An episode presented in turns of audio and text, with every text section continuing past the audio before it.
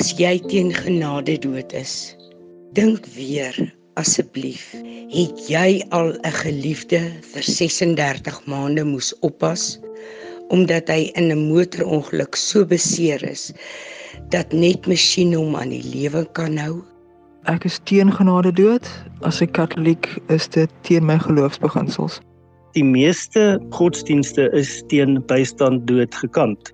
Sedert 2013 het ek begin worstel met al die kwelvrae en die implikasies wat dit vir my gesin gaan inhou wat agterbly. Ek het ook uiteraard die heel grootste worsteling gehad met my verhouding met my hemelse Vader. It's not the decision of a family, it's the decision of the person who's suffering. Ons voel om te onderskei tussen moord en genade dood sou wees om die grens oor te steek wat enige opsetlike moord verbied. Ons kan nie etiese, morele, godsdienstige oorwegings laat deurslag gee nie. Die grondwet se interpretasie is die belangrike ding. Waarsteer ons lewens erken ons dat mense autonoom optree, dan moet jy dit aanvaar dat in die sterwensproses daardie selfbeskikking sal voortduur. Hoekom sal dit skielik nie meer daar wees nie? Gewoonlik as mense so 'n bietjie verder ondersoek wat lê agter die stelling ek wil genade dood hê, dan is dit 'n vrees vir iets in die toekoms en gewoonlik kan 'n mens daai vrees aanspreek, dan verdwyn daai vraag. Ek het my ouers gesien lê Ek gaan dit vir niemand nie. So as ek hom kan help om van daai pyn en ellende verlos te word, sal ek hom help. Genade dood of bystand dood soos wat dit ook genoem word, is 'n omstrede onderwerp en met reg. Die beëindiging van 'n mens se lewe is ter sprake. Vir jare lank al word die debat internasionaal en in Suid-Afrika gevoer moet of moet dit nie gewettig word nie. Etiese, morele en godsdienstige waardes wat 'n land se grondwet onderskryf en wat volgens die regstelsel toegelaat word, is alles argumente wat teen mekaar opgeweeg word in die debat. Die vraag is: as 'n ernstig of terminaal siek pasiënt 'n lydingstryd ervaar en daar geen vooruitsig op herstel is nie, moet daardie mens 'n keuse gegee word om ook 'n besluit oor sy dood te kan uitoefen. Die feit dat ek tot by hierdie stap gekom het is nie dat ek hoegenaamd in 'n depressie is nie, inteendeel, dit is vir my amper half ironies dat ek so opgeruim en positief voel oor die lewe nog steeds. Dis my laaste reis, maar dis een van die reise waarna ek die meeste uitsien want dis 'n reis wat ek weet wat my 'n geleentheid gaan gee dat ek gaan bevry word van dit wat vir my besig is op hierdie stadium om my te versmoor. Dis die stem van Johan Bekes. In Bloemfontein was hy 'n bekende argitek en reisagent. En die finale reis, sy finale reis wat hy hier beskryf, was na Switserland in September 2015 om by 'n kliniek waar dit wettig is, 'n einde te bring aan die uitmergelende kroniese pyn waarmee hy sy lewe lank saamgeleef het deur middel van medies geassisteerde genade selfdood. Mense kry twee tipes pyn. 'n Blou pyn is 'n pyn wat 'n pynstiller vir jou so voor sal help. Dis 'n tandpyn, dis 'n arm wat jy gebreek het. Maar rooi pyn is 'n pyn wat hy bring daai pyn dat jou hele hele liggaam gevoel is. Hy is in 'n naaldebad. Dit is 'n pyn wat jy wel met kombinasies van pynstillers kan verdoof, maar vir my het dit ongelukkig nie kon werk nie. Johan het sedert sy geboorte aan die rare en oorerflike siekte die Beuke-sindroom gely, waar die kraakbeen tussen gewrigte spontaan en teen 'n onvoorspelbare tempo begin verweer. Hy het sedert 12 jarige ouderdom meer as 30 operasies ondergaan, onder meer verskeie rugoperasies, bilaterale heup, skouer, enkel en handgewrig vervangings. Wanneer pyn egter deur hele liggaam begin binnendring, en stelselmatig jou menswees in totaliteit begin aftakel, dan selfs die sterkste wil nie meer die pynvlakke hanteer en verwerk nie. En die totale magteloosheid wat 'n mens begin ervaar wanneer jy besef alles bring vir jou elke keer tot by 'n doodloopstraat. En dis die doodloopstraat wat Johan uiteindelik by sy besluit om sy lewe te beëindig uitgebring het. 'n Besluit waarmee hy lank geworstel het. Die onderhoud is 2 weke voordat hy na Switserland vertrek het, deur 'n vriend met hom gevoer. een van die min mense buiten sy familie wat geweet het dat hy sy lewe gaan beëindig. Sedert 2013 het ek begin worstel met al die kwelvrae en die implikasies wat dit vir my gesin gaan inhou wat agterbly. Ek het ook uiteraard die heel grootste worsteling gehad met my hemelse Vader wat sy woord deur die Heilige Gees vir my gesê het. Heel eerste was dit om vrede met myself te kon maak. En dit kon slegs plaasvind deur die vergifnis wat ek van Jesus ontvang het en ek het besef ek sal eers myself met duidelikheid hê en nou kan ek dit begin deel met my geliefdes. En dit was vir my met tye baie swaar om te voel dat ek vertel alleen omdat ek nie op daardie oomblik met die mense dit in die sin kon praat nie. Johan Bekus moes die opsie van genade selfdood in 'n ander land gaan uitoefen omdat nie genade selfdood of genade dood in Suid-Afrika wettig is nie. Internasionaal is dit reeds gewettig in Nederland, Luxemburg, België, Switserland, Spanje, Kanada, in sekere state van die VSA en Suid-Amerika, in sekere state van Australië en in Nieu-Seeland. Genade dood is nie 'n nuwe debat nie, dis meer as 50 jaar oud. Maar dis nie net 'n debat wat in die openbaar gevoer word nie. Professor David de Villiers, 'n buitengewone professor aan die Noordwes Universiteit se besigheidskool, sê sekere regsaspekte hiervan word ook reeds sedert 1970 in ons howe aangehoor. Reeds in 1970 het die minister van Justisie destyds 'n regsvraag voorbehou wat opgeëindig het in die Appelhof in eksparte minister van Justisie teen Grotjon en dis bevestig dat die gemeene reg nie toelaat dat daar 'n toestemming of dat daar hulpverlening tot selfdood kan wees nie. Dit is moord. 5 jaar daarna in 1975 word Dr. Albie Hartman deur die Hooggeregshof in Kaapstad skuldig bevind aan moord nadat hy sy terminaal siek pa help om deur middel van genade dood te sterf. Aangekla van moord, skuldig bevind aan moord, daar was soveel versagte omstandighede en hy is aangehou tot die hof verdaag, so die vonnis was bitterlig. Ons regspleging was al vir dekades ongemaklik daarmee om bystand in so 'n mediese konteks van medelee gelyk te stel met moord met bose opset. In 2012 stig professor Willem Landman, 'n buitengewone professor in filosofie aan die Universiteit van Stellenbosch, en professor Shaun Davison, toe 'n microbioloog aan die Universiteit van Kaapstad, die nie-regeringsorganisasie Dignity SA. Ons hoofdoel is om te kyk hoe kan ons help om bystand dood te wettig? Dit gaan altyd oor 'n persoon wat bevoeg is om die besluit te neem en dat jy goeie rede het hoekom jy dit vir jouself wil hê, naamlik 'n fisiese of geestelike siekte toestand. Bystand dood val uit een in twee groeperinge. Een is bystand selfdood waar daar 'n siekte toestand is en jy het hulp nodig in die sin dat die middele aan jou verskaf moet word waarmee jy dan selfdood pleeg. En die tweede is dan wat ons noem genade dood. Is dit wanneer jy ook jou vrye keuse maak om bygestaan te word om te sterwe, maar die finale stap is iets wat iemand anders vir jou doen, byvoorbeeld deur middel van 'n inspuiting.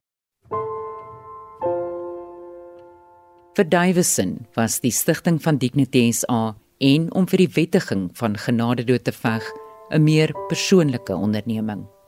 2 jaar tevore in 2010 het sy ma, 'n mediese dokter wat terminaal siek was aan kanker, hom in Nieu-Seeland gesmeek om haar te help om te sterf. Genade dood is eers in 2021 in Nieu-Seeland gewettig. My mother decided to go on a hunger strike to have control of her death. And after 5 weeks, she still hadn't died.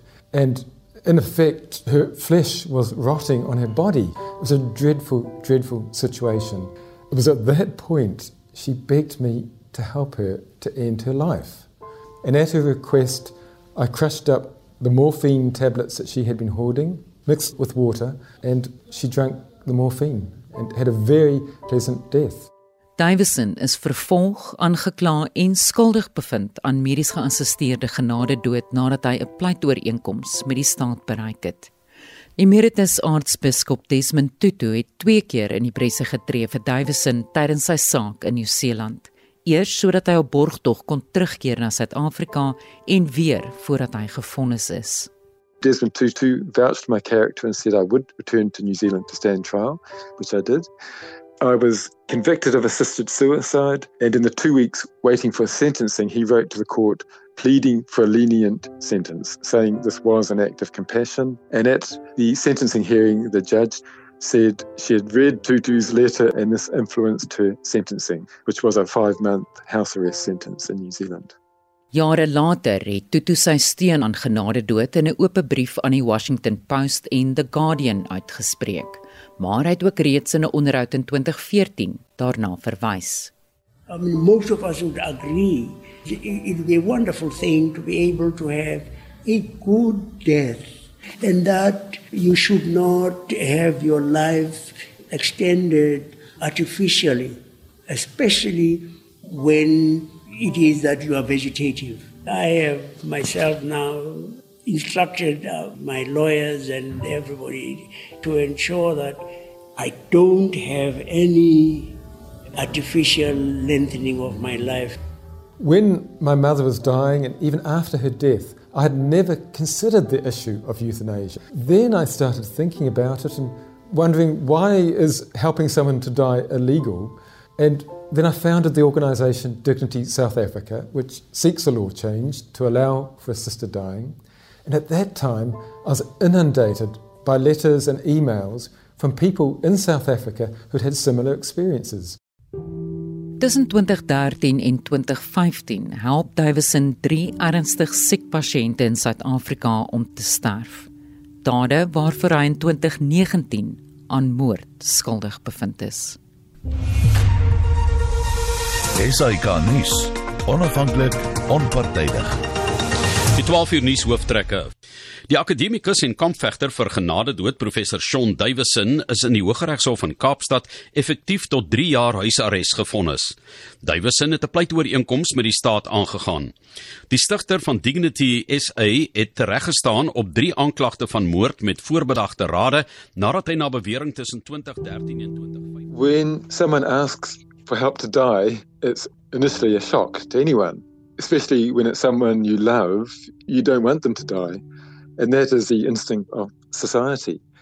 But what it boils down to is how they feel and their wishes. It's not the decision of the family, it's the decision of the person who's suffering. The three men who helped to die in Cape Town were all suffering unbearably. Uh, they did not want to live.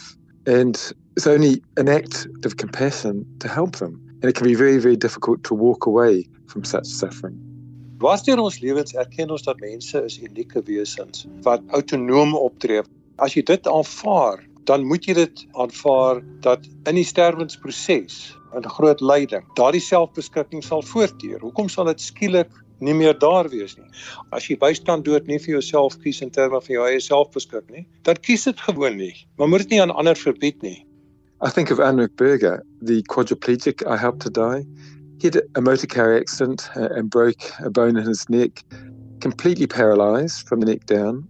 He had attempted to end his own life as a quadriplegic, which is extremely difficult. He'd asked his medical doctor friends for help. They'd all said no. And when I befriended him, he didn't initially ask for help. He initially asked to go to Dignitas and would I accompany him.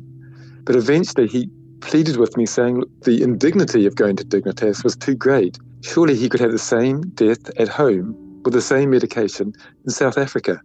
And the logic made absolute sense. Euthanasia is afgelei van die Griekse woord wat eu beteken wat goed is of good en thanatos wat dood is of death. So dit beteken dis 'n goeie dood.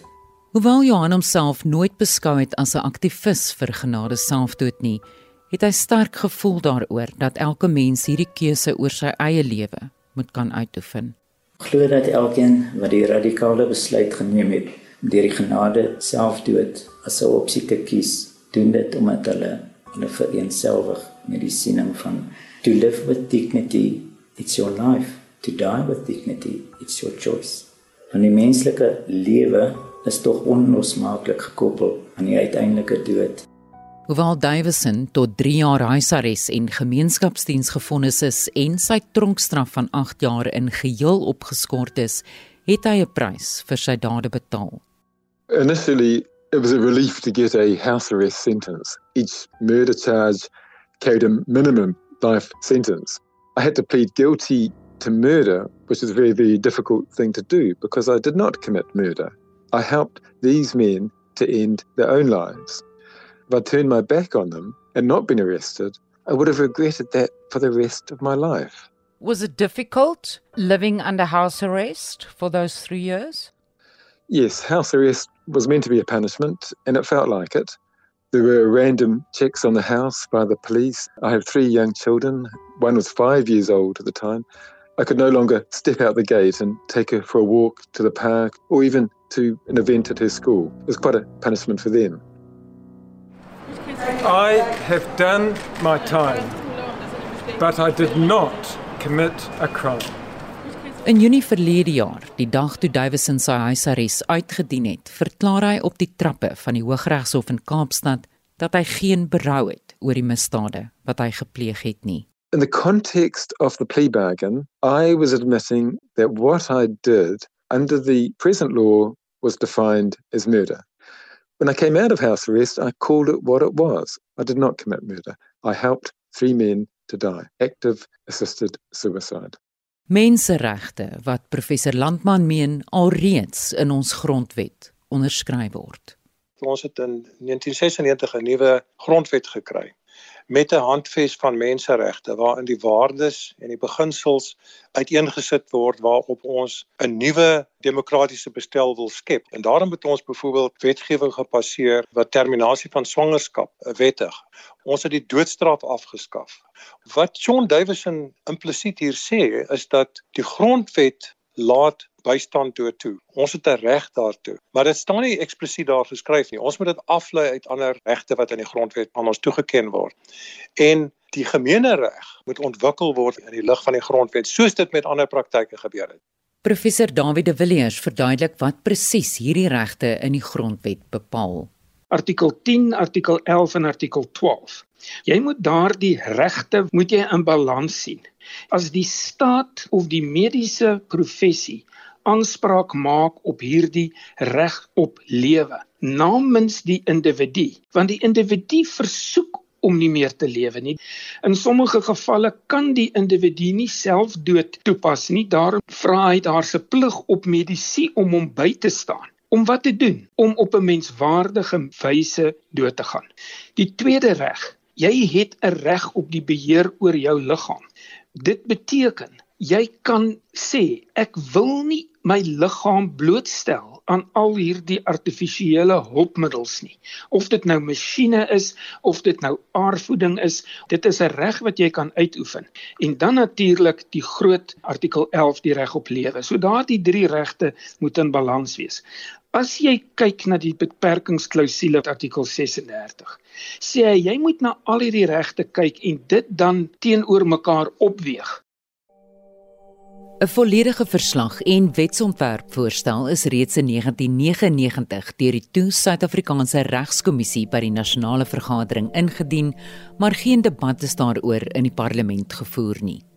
In 2015 bring advokaat Robert Stransham Ford 'n dringende aansoek by die Hooggeregshof in Pretoria om met die hulp van medies geassisteerde genadedood te sterf omdat hy terminaal siek was. Die aansoek is teengestaan deur die minister van gesondheid en die mediese gesondheidsraad van Suid-Afrika, maar die aansoek is toegestaan. Stransham Fort is egter oorlede 2 ure voordat uitspraak gelewer is. Toe neem die minister en die gesondheidsmense neem die saak op appel Bloemfontein toe. Daar het die appelhof toe die uitspraak tersyde gestel sonder om natuurlik regtig op die beginsels van etanasie in te gaan. Hulle het hoofsaaklik gesê daar was onreëlmatige prosesse, hy behoort nie met die uitspraak voort te gegaan nie want die applikant was reeds oorlede. Maar die positiewe van die uitspraak alhoewel hulle die uitspraak tersyde gestel het, het die appelhof die deur oopgelaat vir toekomstige aansoeke. Taamlik vaag. Na aanleiding van die 2016 appelhof uitspraak het Dieter Hark wat aan motorneuron siekte ly en sy mediese dokter, Dr. Suzan Walter wat ook terminaal siek is, in 2021 by die Hooggeregshof aansoek gedoen om deur middel van genade dood te kan sterf. Hierdie is nou anders as die ander gevalle 'n proaktiewe geval van. Ons wil 'n hofbevel hê om vir eens en vir altyd uitsluitsel te gee vanuit die hof se kant oor etanasie. Maar die aansoek wat deur die minister van Justisie, die nasionale vervolgingsgesag en die mediese gesondheidsraad teengestaan is, is weens verskeie faktore uitgestel en toelaat vaar. Onder leiding van Dignity SA se professor Landman gaan Hark binnekort 'n nuwe hofaansoek bring sy siekte se progressie is baie stadig. Hy het tyd om deur die hofsaak te gaan, maar hy versoek dat hy bygestaan gaan word. Die appelhof het gesê dat 'n nuwe saak moet na die hof toe kom. Nie 'n dringende aansoek nie, maar 'n nuwe saak waarin al die argumente op die tafel geplaas kan word. En dan sal die hof daaroor kan besin. Maar die appelhof het ook gesê dat indien dit gebeur, kan die hof voorsien dat die gemeenereg ontwikkel sal word om behoorlik uitdrukking te gee aan die regte wat in ons grondwet verskans is en wat as dit ware die reg op bystand dood onderskraag. Artikel 39 van die grondwet sê uitdruklik die howe mag die gemeene reg ontwikkel. Die howe kan sê ons definisie van moord is nie meer die Romeins-Hollandse reg gemeeneregtelike definisie van moord nie, daar is gekwalifiseerde definisie van moord om voorsiening te maak vir hierdie tipe van gevalle. Hierdie is eintlik 'n saak vir die parlement. Jy moet wetgewing kry om regsekerheid daar te bring. Dit gebeur nie. Nou is die tweede beste. Nou moet jy howe toe gaan. I'm quite certain that when this issue comes before the Constitutional Court, that court will recognize that assisted dying should have a dignified process to it and the law should be changed. Keep in mind that suicide is not illegal. A person can end their life at any time. But to help somebody to die, somebody who can't do it themselves, is illegal. And that doesn't make sense. A person like Dr. Anouk Berger, the quadriplegic, could have ended his life if he was able to, but he was unable to. So the law was clearly discriminating against him and other physically handicapped people who can't end their own life. It's a bad law, completely discriminatory.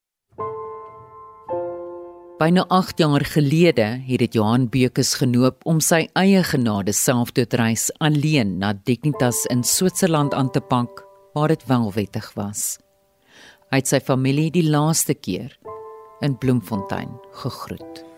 Weet dat ek dit nie alleen hanteer het nie, ek het dit werklik waar bidend gedoen en ek het rustigheid en ek is iemand wat as gevolg van my longe nie maklik kan in sekere omstandighede asemhaal. En daaroor te meer is ek iemand wat kan sê mense het amper 'n gevoel van jy is bang vir versmoring.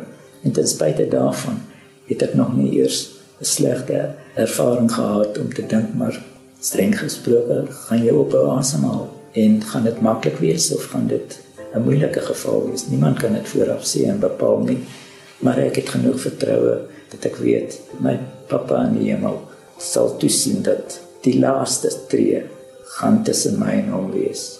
En daaroor wil ek nie een van my geliefdes moet dit ervaar as dit nie verblydend en wonderlik is nie. So in daai opsig dink ek dat dit iets is wat 'n mens alleen wil doen.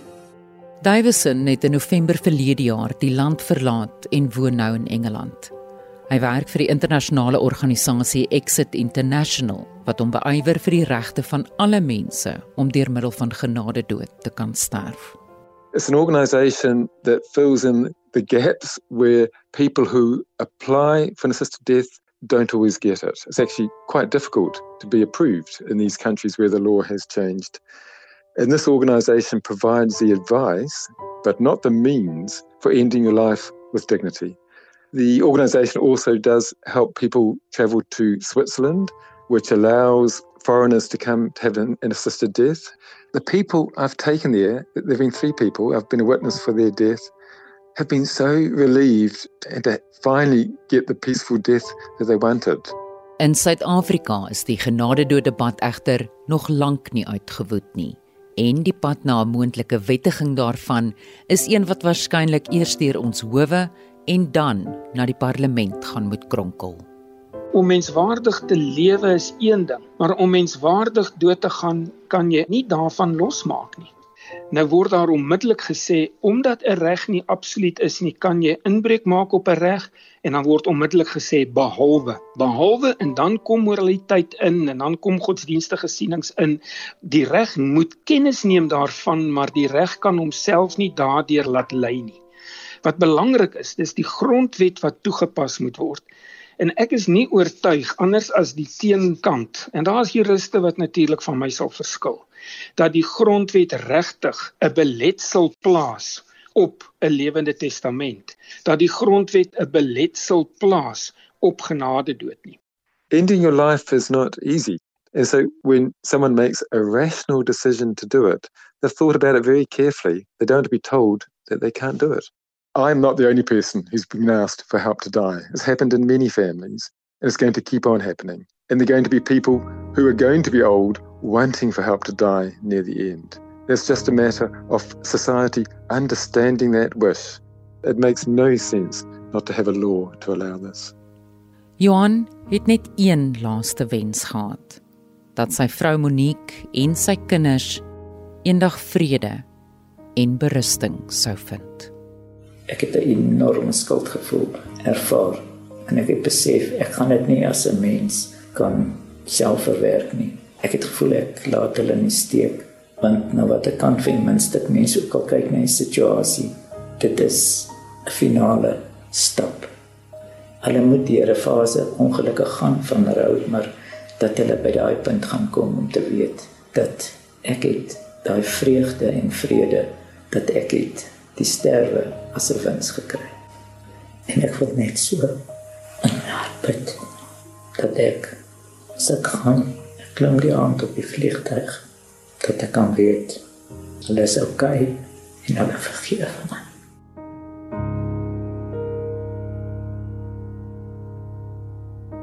Genade dood om te sterf met genade is 'n reeks van 2 episodes vervaardig en aangebied deur Estie de Klerk met klankontwerp deur Danny Boysen.